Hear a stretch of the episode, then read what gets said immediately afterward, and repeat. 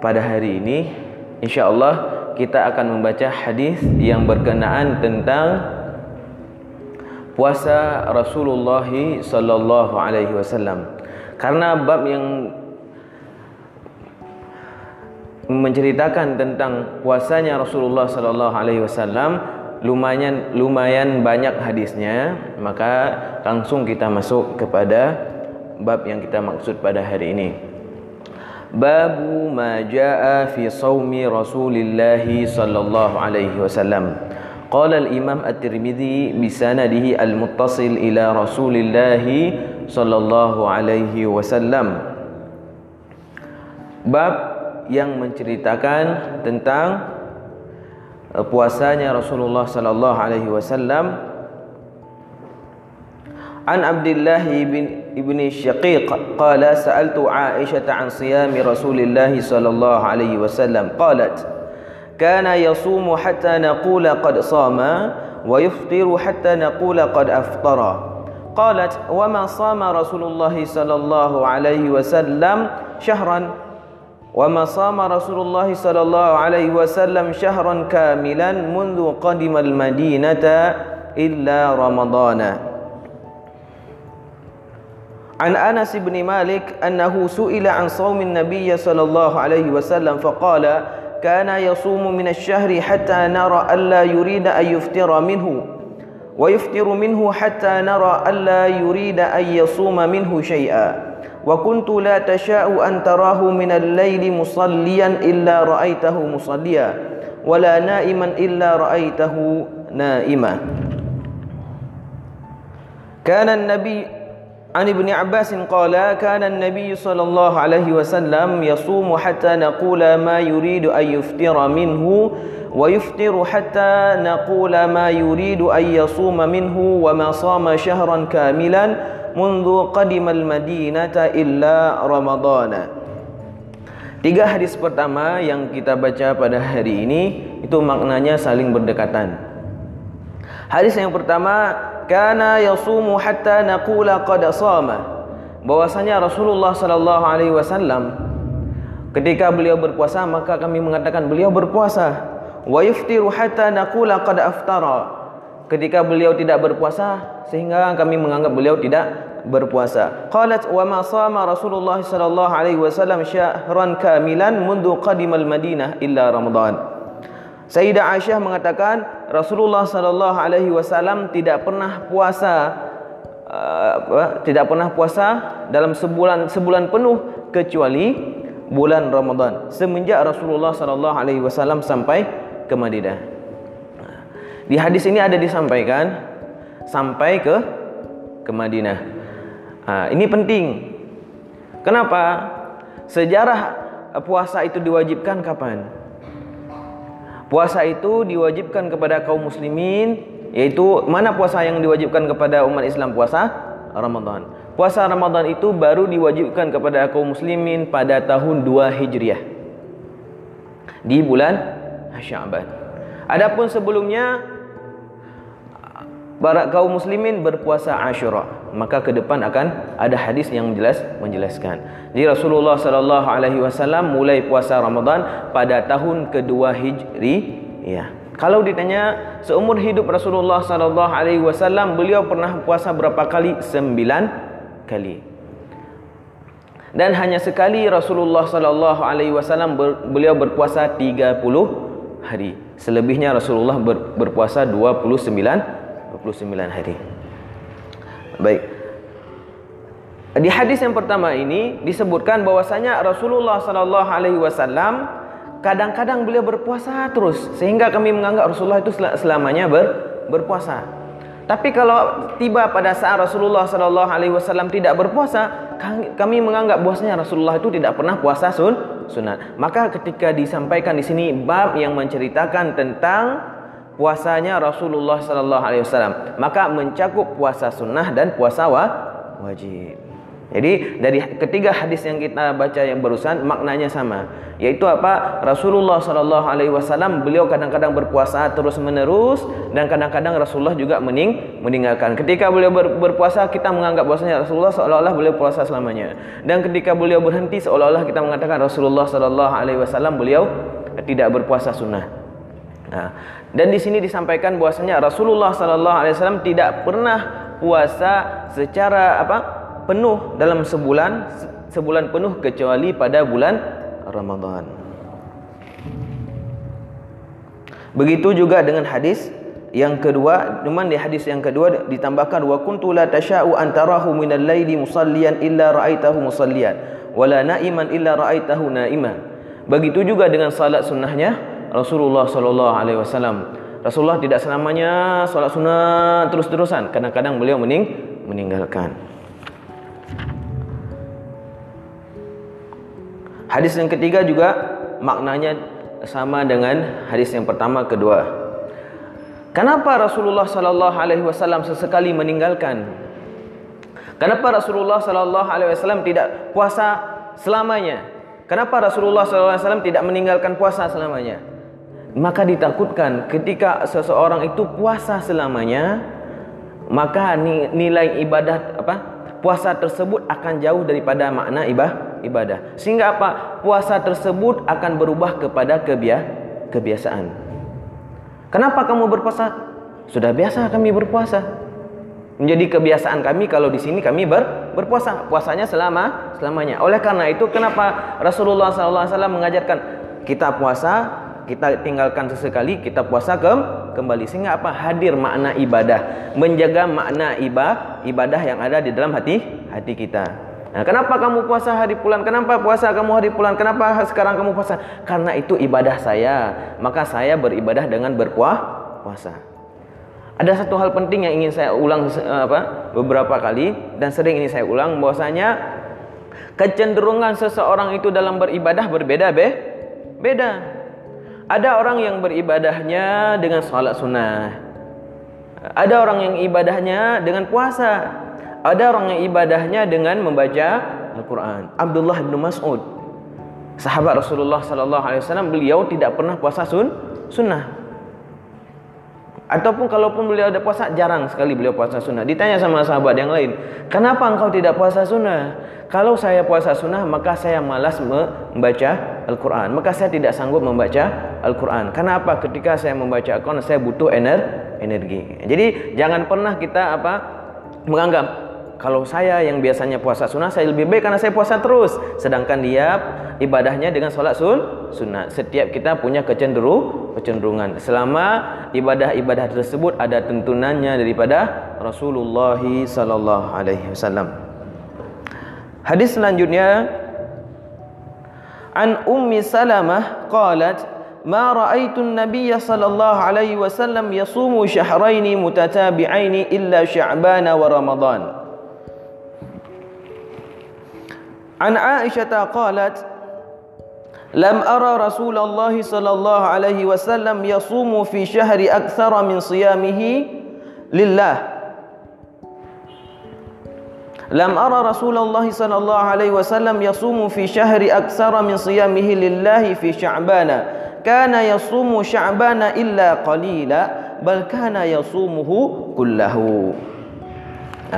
ada dua hadis yang kita bacakan barusan itu seolah-olah saling bertentangan. Hadis yang pertama, "Ma ra'aitun Nabiy sallallahu alaihi wasallam yasumu syahraini mutatabi'aini." Aku tidak pernah melihat Rasulullah sallallahu alaihi wasallam puasa sunnah eh, atau puasa beliau berpuasa selama dua bulan berturut-turut.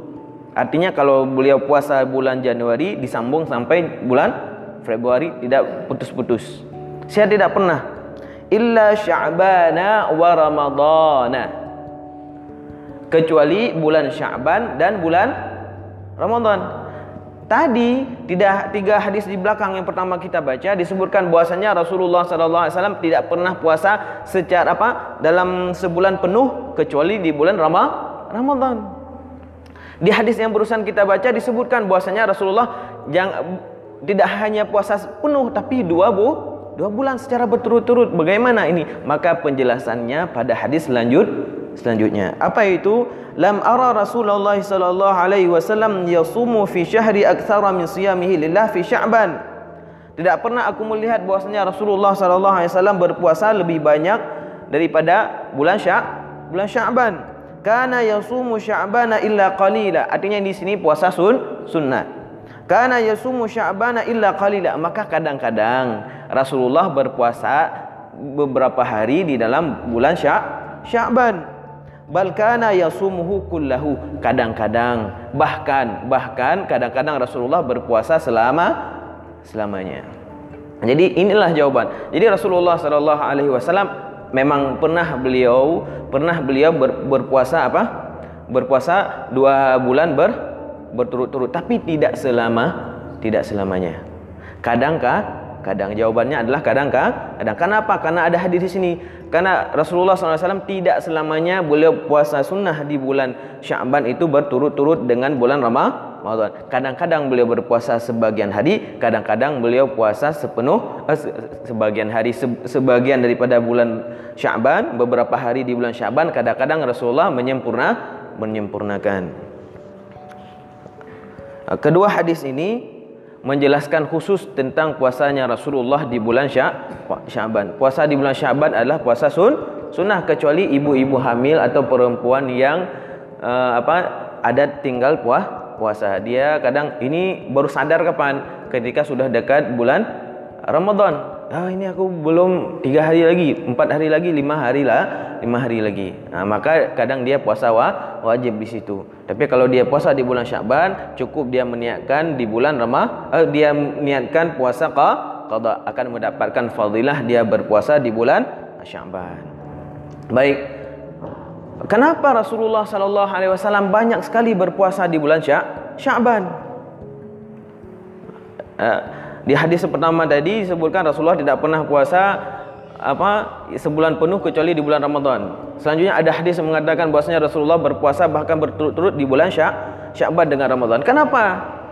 Maka ada beberapa sahabat yang dekat dengan Rasulullah sallallahu alaihi wasallam. Di antaranya Usamah bin Zaid.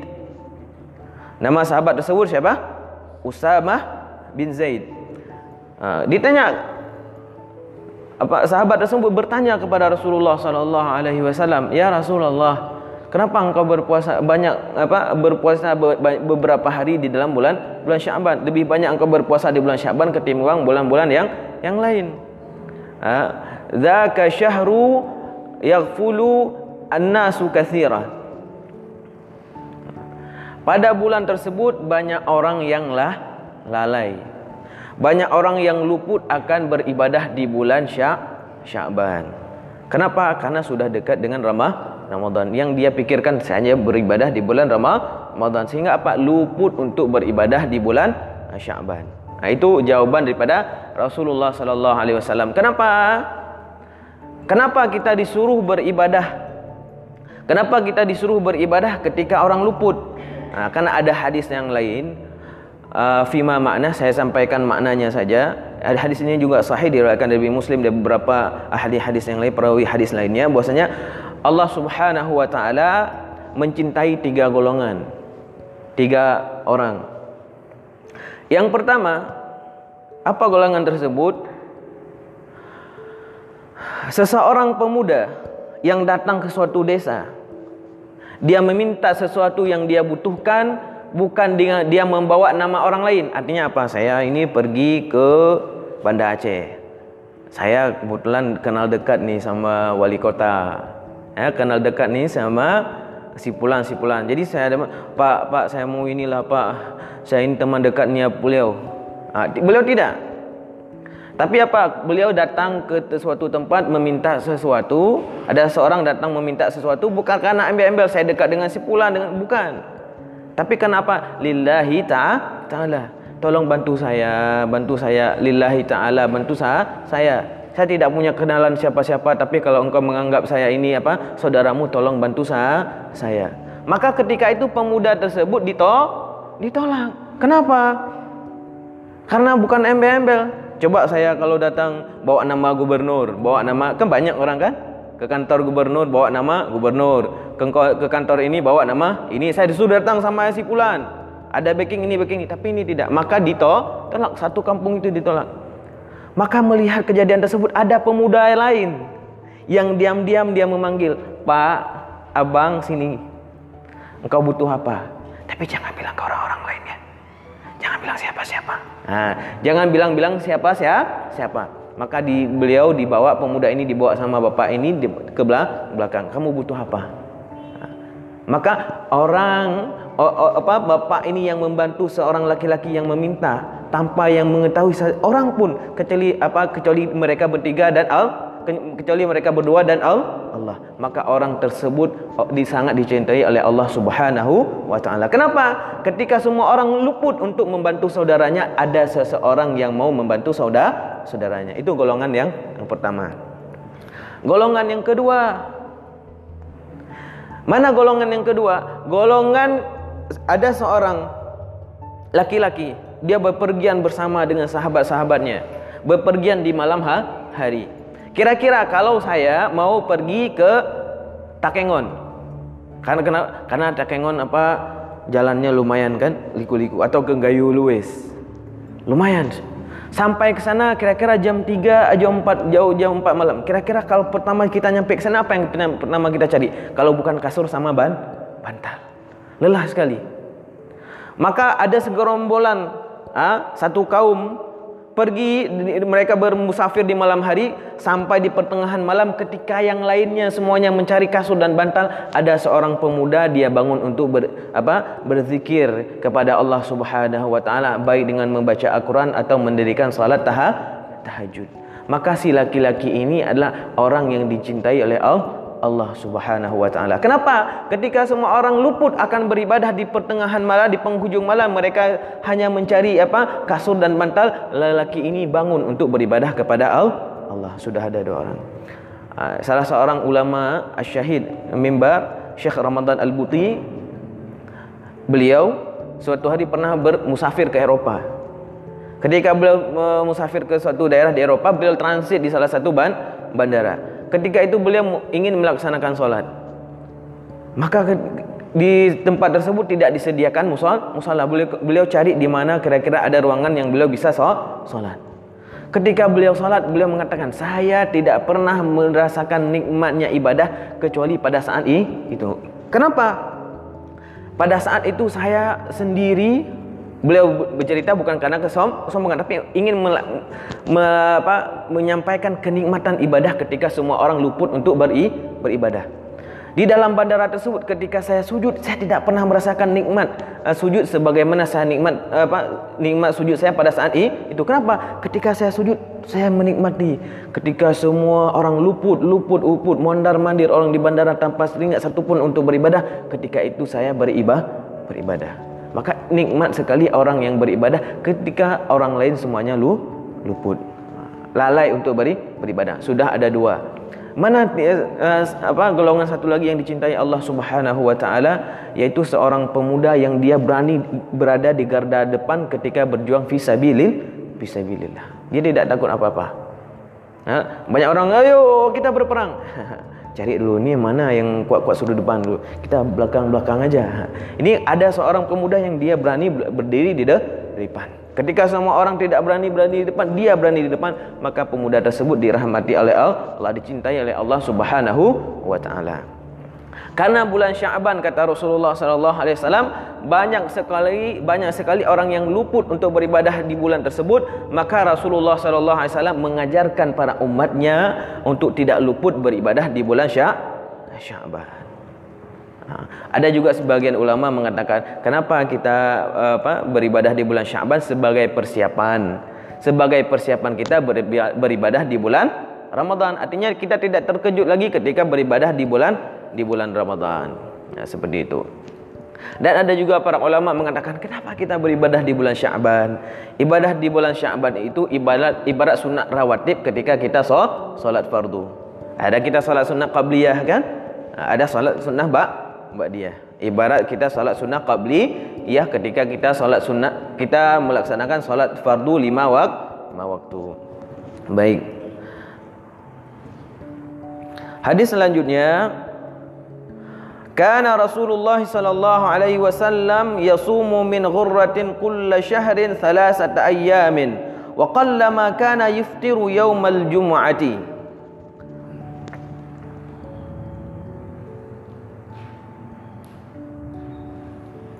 Jadi diriwayatkan daripada Abdullah bahwasanya Rasulullah sallallahu alaihi wasallam yasumu min min ghurrati kulli syahrin thalathata ayyam. Di Rasulullah sallallahu alaihi wasallam beliau punya kebiasaan berpuasa di awal bulan Qamariyah. Tiga hari di awal bulan Qamariyah. Wa qallama yuftiru yaumal jum'ah dan beliau jarang sekali jarang sekali Rasulullah sallallahu alaihi wasallam meninggalkan puasa di di hari Jum Jumat. Bagaimana ini? Bukankah Rasulullah sallallahu alaihi wasallam melarang melarang kita untuk mengkhususkan beribadah di hari Jum Jumat? Ketika datang bulan Jumat, saya mau puasa hari Jumat. Ya, saya mau puasa hari Jum Jumat. Nah, bagaimana? Di sini dikatakan Rasulullah SAW jarang sekali meninggalkan puasa di hari Jum, Jumat. Sedangkan di hadis yang lain bahwasanya Rasulullah SAW melarang kita untuk berkhususkan ibadah di hari Jumat baik dengan berpuasa atau berqiyamul qiyamul lail. Bagaimana ini? Maka siapa yang dapat memahami ini para ulama, para ulama. Mazhab Hanafi dan mazhab Malik mereka tidak memakruhkan ibadah di hari Jum. Artinya apa? Tidak memakruhkan kalau kita mau berpuasa khusus di hari Jumat tidak mak makruh. Namun karena kita di Aceh, di Indonesia ini mayoritas kita adalah mazhab Syafi'i, boleh apa di, dimakruhkan kita mengkhususkan puasa sunnah di hari Jum Jumat. Saya mau puasa hari Jumat, mak makruh tidak ha? haram. Kapan hilang makruhnya? Kapan hilang makruhnya? Apabila diawali sehari sebelumnya atau ditambah dengan sehari sesudah sesudahnya. Kapan lagi hilang makruhnya dalam mazhab Syafi'i? Apabila jatuh pada misalkan hari Jumat pas hari Arafah.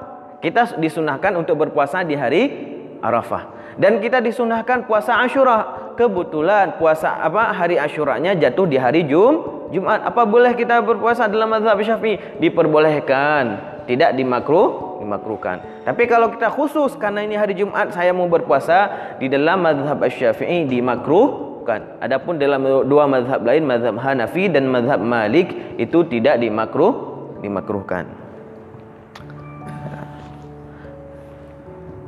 Hadis selanjutnya kana Nabi sallallahu alaihi wasallam yataharra saumal itsnain wal khamis.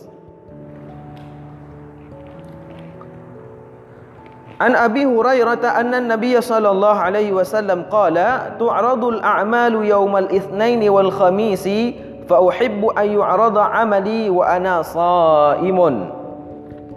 An عن عائشة قالت Nabi sallallahu alaihi wasallam yasumu min asy-syahri as-sabta wal ahada wal ithnaini wa min asyhari akhari as-sulasa wal arbi'a wal khamisa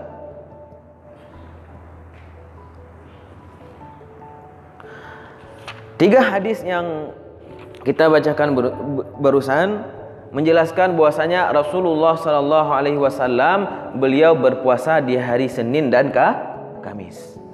Hadis yang pertama, kana Nabi sallallahu alaihi wasallam yataharra shaumal itsnain wal khamis. Jadi Rasulullah sallallahu alaihi wasallam beliau selalu berusaha berusaha untuk apa? berpuasa di hari Senin dan hari ka hari Kamis. Hadis selanjutnya anna Nabi sallallahu alaihi wasallam qala tu'radul a'malu yaumal itsnaini wal khamis.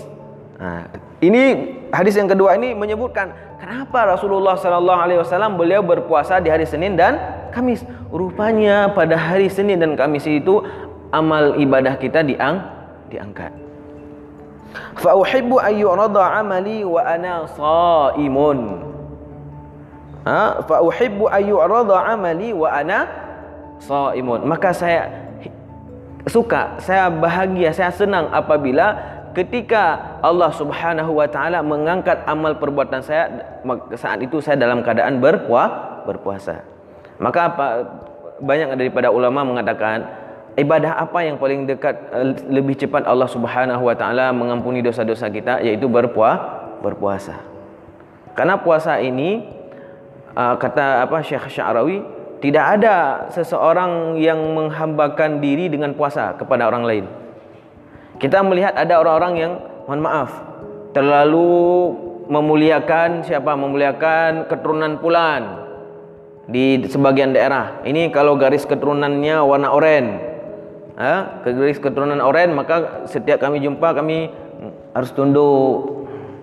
Ha? Atau ada orang yang mengabdikan dirinya dengan apa? Dia sujud kepada seseorang. Tapi Coba anda lihat ada enggak? Kenapa anda apa? Saya mau beribadah kepada seseorang dengan berpuasa. Ada? Tidak. Hanya dilakukan oleh seorang muslim kepada Tuhan Tuhannya. Itu kata Imam Asy' Asy'arawi. Syekh Asy'arawi salah satu mufassir yang luar biasa fenomenal yang beliau itu seorang mufassir yang berasal dari dari Mesir. Kalau ketika beliau berbicara itu penuh masjid.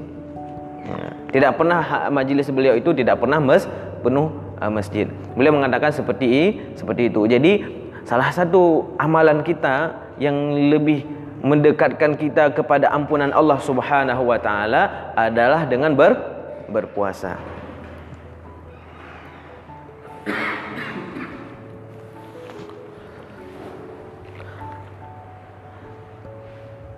كان النبي صلى الله عليه وسلم يصوم من الشهر السبت والأحد والاثنين Ah, kalau dua hadis yang sudah kita bacakan barusan disebutkan bahwasanya Rasulullah sallallahu alaihi wasallam berpuasa pada hari Senin dan Kamis.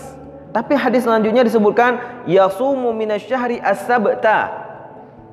Beliau juga berpuasa hari Sab, hari Sabtu. Wal ahada. Rasulullah berpuasa di hari ah, Ahad, hari Ming, hari Minggu. Wal itsnaini juga di hari Senin wa min akhar dan di bulan-bulan yang lain Rasulullah sallallahu alaihi wasallam beliau berpuasa hari Selasa wal arbi'a wal khamis Rasulullah juga di hari yang lain berpuasa apa pada hari Selasa, Rabu dan dan Kamis. Artinya apa? Rasulullah sallallahu alaihi wasallam beliau selalu berusaha untuk berpuasa berpuasa. Beliau kepingin, beliau tidak mau melewati apa melewati hari-hari beliau itu tanpa berpuasa. Walaupun seperti kita ketahui di hadis yang pertama pertama tadi bahwasanya Rasulullah kadang-kadang beliau meninggalkan kadang-kadang beliau berpuasa berpuasa. Tapi hampir setiap hari hampir ada apa eh, setiap hari Rasulullah mengambil bagian untuk berpuasa. Artinya apa? Rasulullah tidak hanya puasa Senin Kamis, tapi kadang-kadang jatuh pada hari Rabu, kadang-kadang jatuh pada hari Minggu, kadang-kadang jatuh pada hari hari Kamis. Nah, maka dapat kita apa ambil pelajaran dari sini Rasulullah sallallahu alaihi wasallam beliau selalu berusaha untuk berpuasa. Ya, selalu berusaha untuk ber, berpuasa. Tapi Rasulullah sallallahu alaihi wasallam tidak berpuasa pada empat ha, hari.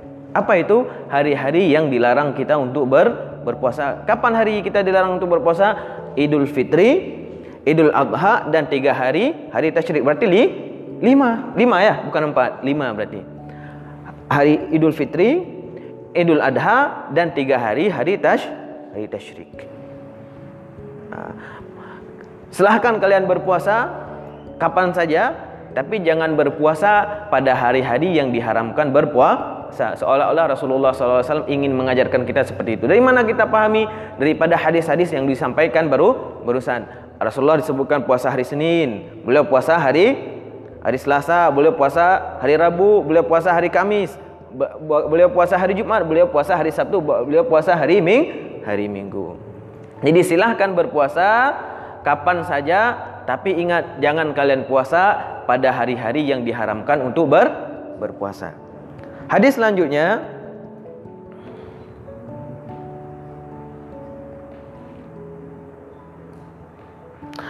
Maka Rasulullah sallallahu alaihi wasallam yasumu fi syahri aktsara min siyami fi Sya'ban. Hadis yang kita baru yang kita baca ini mengulang makna daripada hadis yang kita baca di belakang bahwasanya Rasulullah sallallahu alaihi wasallam tidak banyak berpuasa sunnah kecuali di bulan Sya'ban. Itu sudah kita jelaskan Uh, pada hadis sebelumnya.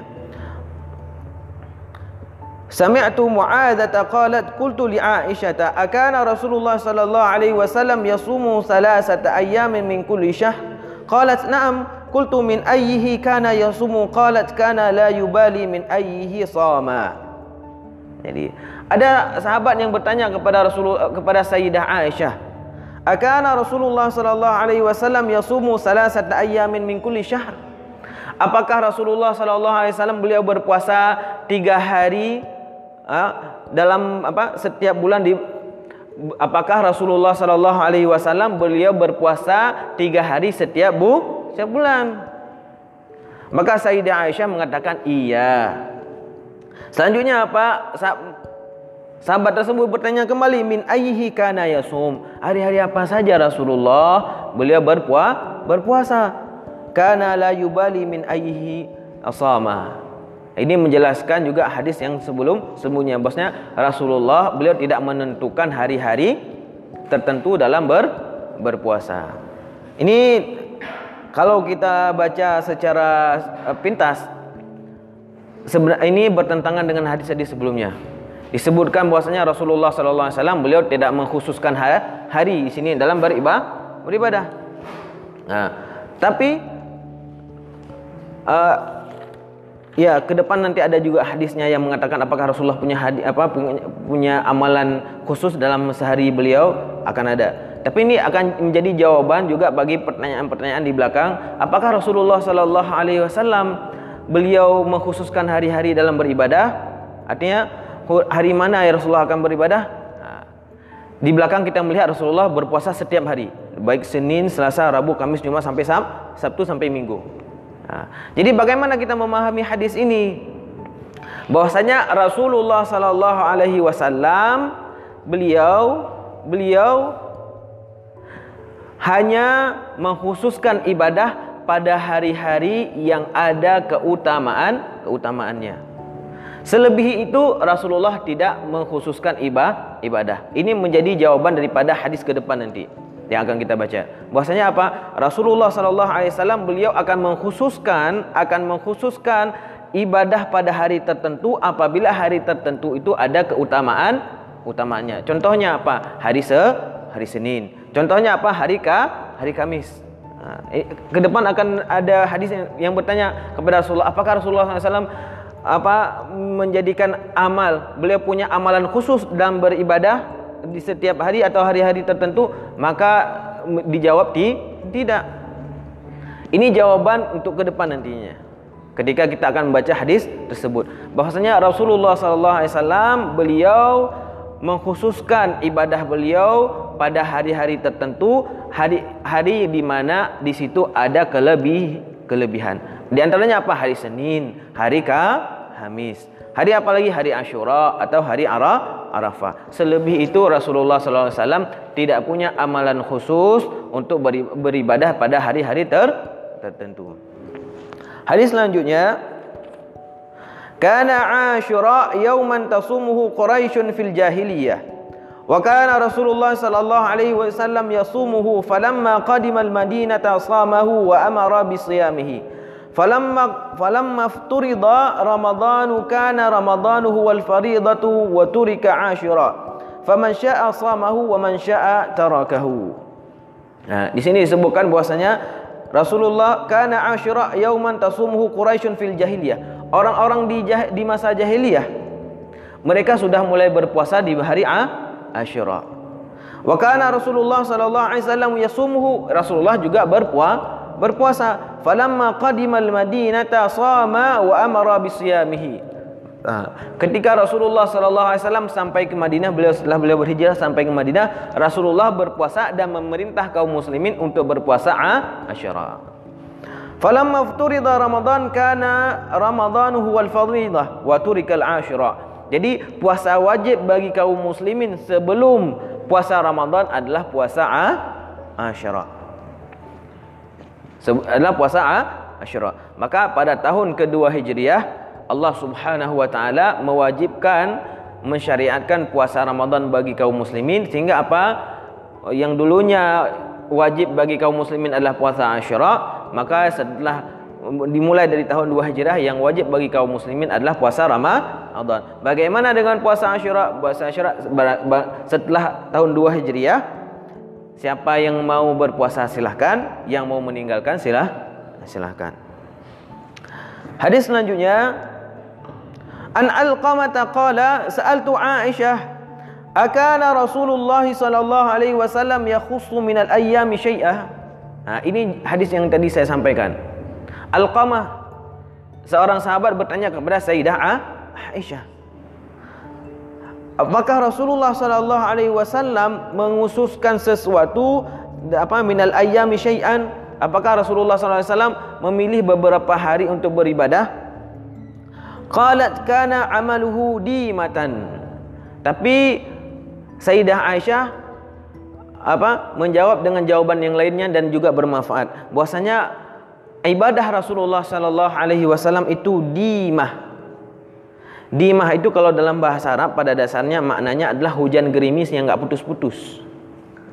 Ada kan kadang-kadang kita memperhatikan hujan gerimis tapi dia continue terus nggak putus bu. Putus itulah di dimah makna di kata-kata dimah dalam bahasa Arab. Artinya apa? Ketika ditanya seperti itu apakah Rasulullah SAW mengkhususkan beberapa hari untuk beribadah? Maka yang dijawab oleh Sayyidah Aisyah apa? Bahwasanya ibadah Rasulullah itu continue tidak putus bu putus istiqah istiqamah Wa ayyukum yutiqu ma kana Rasulullah sallallahu alaihi wasallam yutiq. Ha.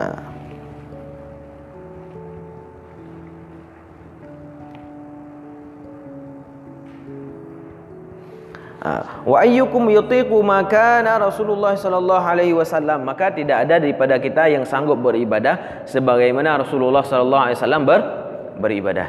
Jadi ha, apa? Ini adalah jawaban ketika Rasulullah apa Sayyidah Aisyah ditanya ah, apakah Sayyidah apa Rasulullah sallallahu alaihi wasallam mengkhususkan ah, beberapa hari dalam beribadah enggak ah, dijawab kan apakah mengkhususkan atau tidak maka jawabannya di belakang di belakang tadi bahwasanya apa Sayyidah Aisyah apa Rasulullah sallallahu alaihi wasallam beliau pada dasarnya beliau tidak mengkhususkan ibadah pada hari tertentu kecuali hari-hari yang mana pada hari tersebut ada keuta ada keutamaan. Di antaranya hari Senin, hari Kamis, hari Asyura dan hari Arafah.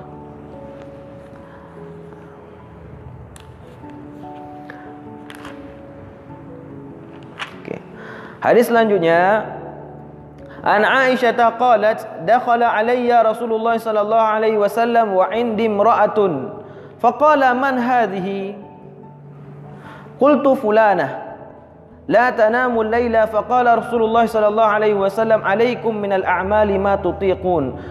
فوالله لا يمل الله لا يمل الله حتى تملوا. وكان أحب ذلك إلى رسول الله صلى الله عليه وسلم يدوم عليه صاحبه. Sebelum saya menjelaskan hadis ini ada sebuah pertanyaan nah, tadi ketika ditanya kepada Sayyidah Aisyah apakah Rasulullah mengkhususkan beberapa hari saja untuk beribadah Maka yang dijawab adalah ibadah Rasulullah itu yang konti, yang kontinu, yang kontinu. Ha. Maka akan terbesit di pikiran kita yang bisa kontinu, yang bisa istiqamah beribadah itu kan Rasulullah.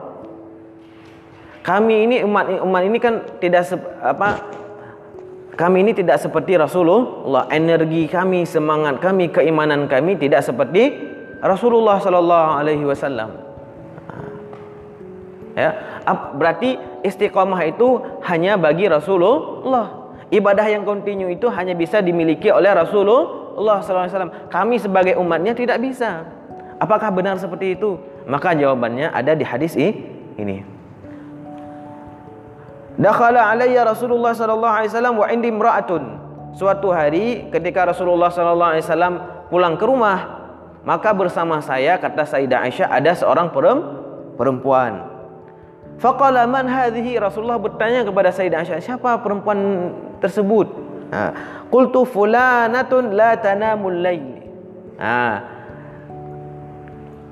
Sayyidah Aisyah tidak hanya menyebutkan apa oh misalkan namanya Maimunah namanya Haula binti Tuait bin min Bani Asad namanya Haula perempuan tersebut namanya Hau Haula tapi Rasulullah enggak benarkan itu Haula Rasulullah tapi Sayyidah Aisyah mengatakan perempuan tersebut dia apa? Kana yaqumul ka fulanah la tanamul laila. Tapi jawaban daripada Sayyidah Aisyah apa? Perempuan tersebut tidak tidur mah malam. Ini adalah sebuah pujian daripada Sayyidah Aisyah kepada perempuan tersebut. Faqala Rasulullah sallallahu alaihi wasallam maka Rasulullah sallallahu berkata, "Alaikum minal a'mali ma tutiqun." Ha, hendaklah kalian melaksanakan amal kalian seberapa kalian mampu. Jadi amalan yang kita kerjakan itu yang semampu kita. Jangan dipaksakan apa sesuatu yang kita tidak mampu. Fa Allah la yamulullahu hatta tamallu. Maka Rasulullah wasallam tidak akan bosan bo, bosan dengan ibadah kita sehingga kita bo, bosan. Wa kana habba dzalika ila Rasulullah sallallahu alaihi wasallam alladhi yadumu alaihi sahibuhu. Maka ibadah yang paling disuka oleh Rasulullah sallallahu alaihi wasallam yaitu apa? Ibadah yang sanggup apa dijaga oleh orang yang melaksanakan ibadah tersebut. Artinya apa? Yang kontinu. Ibadah yang paling baik itu adalah yang konti yang kontinu. Jadi apa jawabannya di sini? Apa? Jangan pernah Rasulullah menuntut jangan pernah kalian beribadah dengan ibadah yang kalian tidak mampu. Ha. Kapan kita tidak bisa continue dengan ibadah kita? Kapan kita tidak bisa istiqamah dengan ibadah kita? Ketika kita membebani diri kita dengan sesuatu di luar kemampuan kita. Saya ini tiap malam mau tahajud, apa mau solat 40 rakaat. Saya 4 jam tiap malam qiyamul lail 4 jam. Mampu? Ha. Maka lihat yang dilihat oleh Allah Subhanahu wa taala itu apa?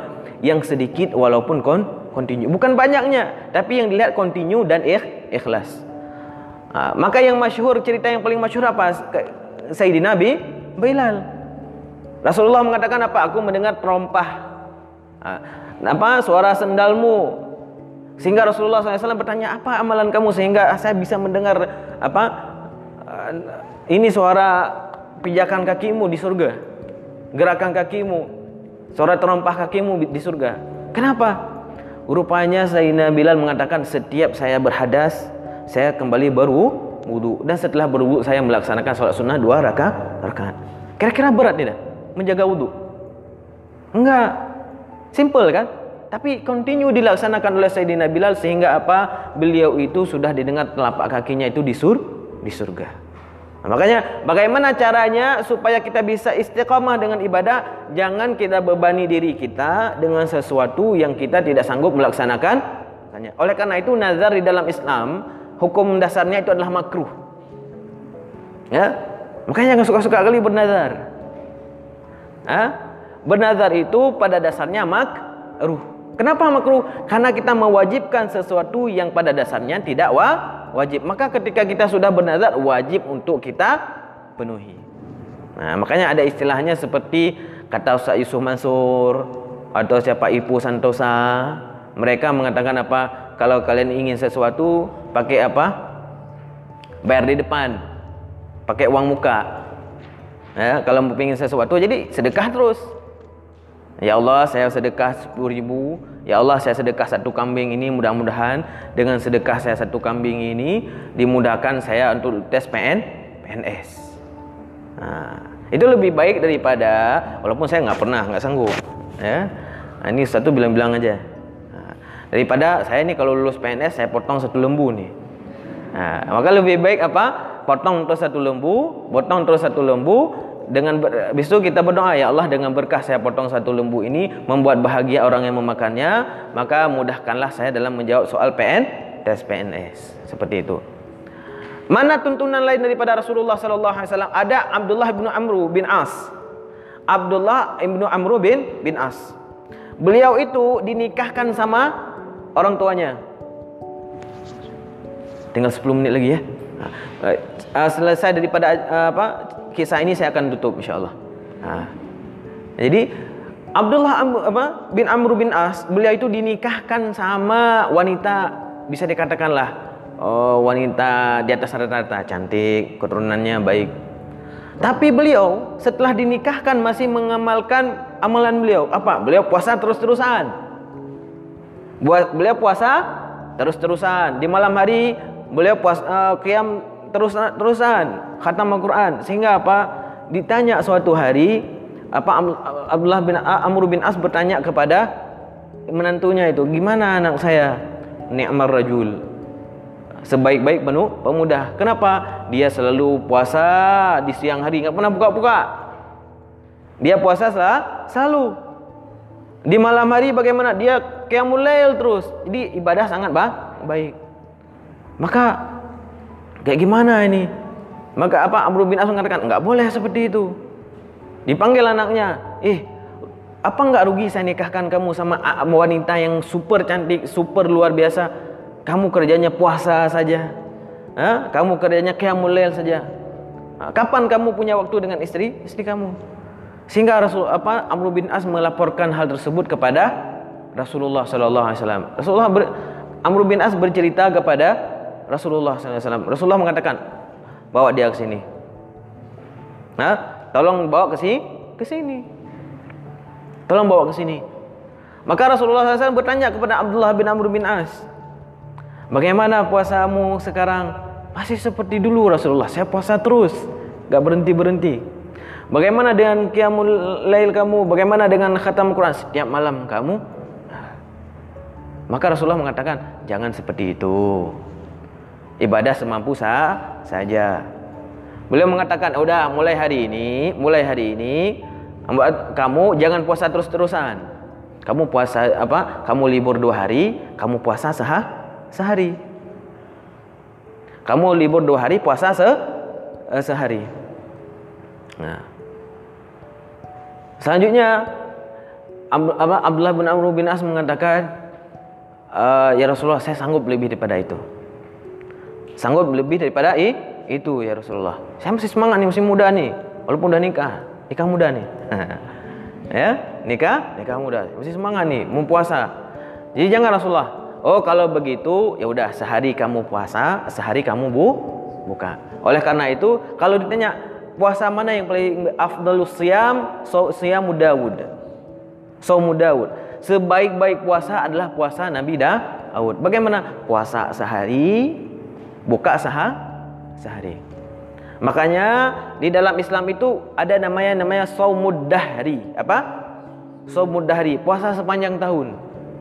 Kecuali lima hari yang diharamkan tak tadi. Puasa dahri apa boleh dalam Islam? Boleh. Apabila masih lajang. Apabila masih masih lajang. Tapi kalau ditanya lebih baik mana saya puasa sepanjang tahun atau puasa Daud lebih baik puasa dah puasa Daud. Nah, tapi di hadis yang lain Rasulullah sallallahu alaihi wasallam mengatakan apa? Puasalah kalian tiga hari di bulan uh, apa setiap bulan, setiap bulan Qamariyah. Tiga hari saja setiap bu bulan. Dan apa? Sehari itu dihitung dengan sepuluh ha hari. Ha? Wal hasanatu bi asyri amsalha. Coba dikali-kali. Kalau tiga kali sepuluh kali dua belas kira-kira berapa hari? Sama Tiga hari kita berpuasa dikali sepuluh. Berarti dalam sebulan sama dengan kita puasa tiga puluh hari. Kenapa? Puasa kita sehari sama dengan kita puasa sepuluh hari. Jadi Rasulullah sallallahu alaihi wasallam kasih kita formula jangan berat-berat sekali. Ya, jangan terlalu berat kamu puasa minimal, ha? minimal atau maksimalnya tiga ha? tiga hari saja dalam sebu sebulan. Kenapa? Puasa kamu sehari pahalanya itu sama dengan sepuluh ha? hari. Jadi kalau tiga hari tiga kali sepuluh maka sebulan kamu puasa uh, tiga hari kamu puasa dalam sebulan sama dengan kamu puasa sebu sebulan penuh. Uh, maka kalau kamu setiap bulan puasa tiga hari setahun berarti kamu soal apa setiap bulan kamu puasa tiap hari dan kontinu setiap bulan tiga tiga hari maka sama dengan kamu puasa sepanjang ta tahun. Itulah formula yang diajarkan oleh Rasulullah wasallam. Selanjutnya Rasulullah bertanya, bagaimana dengan qiyamul lail kamu? Dibilang, ya Rasulullah saya setiap malam khatam Al-Quran. Kayak gimana nih? Setiap malam khatam Al-Quran. Rasulullah mengatakan, jangan. Kenapa? Kalau kamu baca Quran terus kamu matluk mata kamu. Apa bahasa Indonesia-nya? Ada orang kalau begadang kan, matanya masuk ke dalam, hitam, lemah. Jangan, jangan bunuh-bunuh diri. Nah, Dibilang, ya Rasulullah nggak apa-apa saya masih kuat. Kalau begitu izinkan saya 15 hari sekali. Berarti beliau kalau setiap malam, apa namanya? Uh, setiap malam beliau khatam Al-Quran, beliau mengatakan izin, ya Rasulullah saya izin ya. Se sebulan dua kali saya khatam. Saya masih muda. Dibilang, jangan. Ya, jangan. Habis itu dibilang sama Rasulullah, oh, udah kalau begitu, udah kamu setiap tujuh hari sekali saja kah? Khatam. Artinya apa? Sehari kamu baca lima, lima juz. Seperti itu. Jadi Rasulullah mengajarkan kepada kita supaya kita jangan memaksa terlalu memaksa diri dengan ibadah sehingga kita tidak bisa continue dengan ibadah ter tersebut. Kenapa? Karena ibadah tersebut tidak sanggup kita lakukan. Kenapa? Karena ibadah tersebut di atas kemampuan ki kita. Nah, mudah-mudahan kita bisa mengambil manfaat daripada tuntunan Rasulullah sallallahu alaihi wasallam. Dan di akhir hayatnya ketika beliau tua, Abdullah bin Amr bin As mengatakan apa? Ya laitani. Kenapa dulunya ya ketika beliau sudah tua beliau enggak tadinya beliau minta apa? Puasa sehari buka sehari puasa sehari buka sehari buka puasa sehari bu, buka. Beliau minta itu kepada Rasulullah SAW tapi di, di hari tua rupanya beliau sudah berat seperti itu. Enggak sanggup lagi seperti itu. Tapi beliau tetap kenapa? Karena dulu sudah minta izin ke Rasulullah malu lah ma malu tapi mengatakan seandainya dulu saya patuh dengan apa yang diperintahkan oleh Rasulullah SAW dua hari saja, dua hari kamu tidak berpuasa, sehari saya berpuasa, mungkin sampai tua saya masih kuat untuk berpuasa. Jadi sebaik-baik ibadah itu adalah yang kontinu, yang walaupun sedikit tapi dia berkelanjut, berkelanjutan. Mudah-mudahan apa yang kita sampaikan pada hari ini menjadi modal bagi kita untuk kembali ke akhirat. Kenapa? Kecintaan kita kepada Rasulullah sallallahu alaihi wasallam. Saya mohon maaf uh, telat datang hari ini dan kita berakhir juga pada waktu yang sudah agak sedikit uh, larut.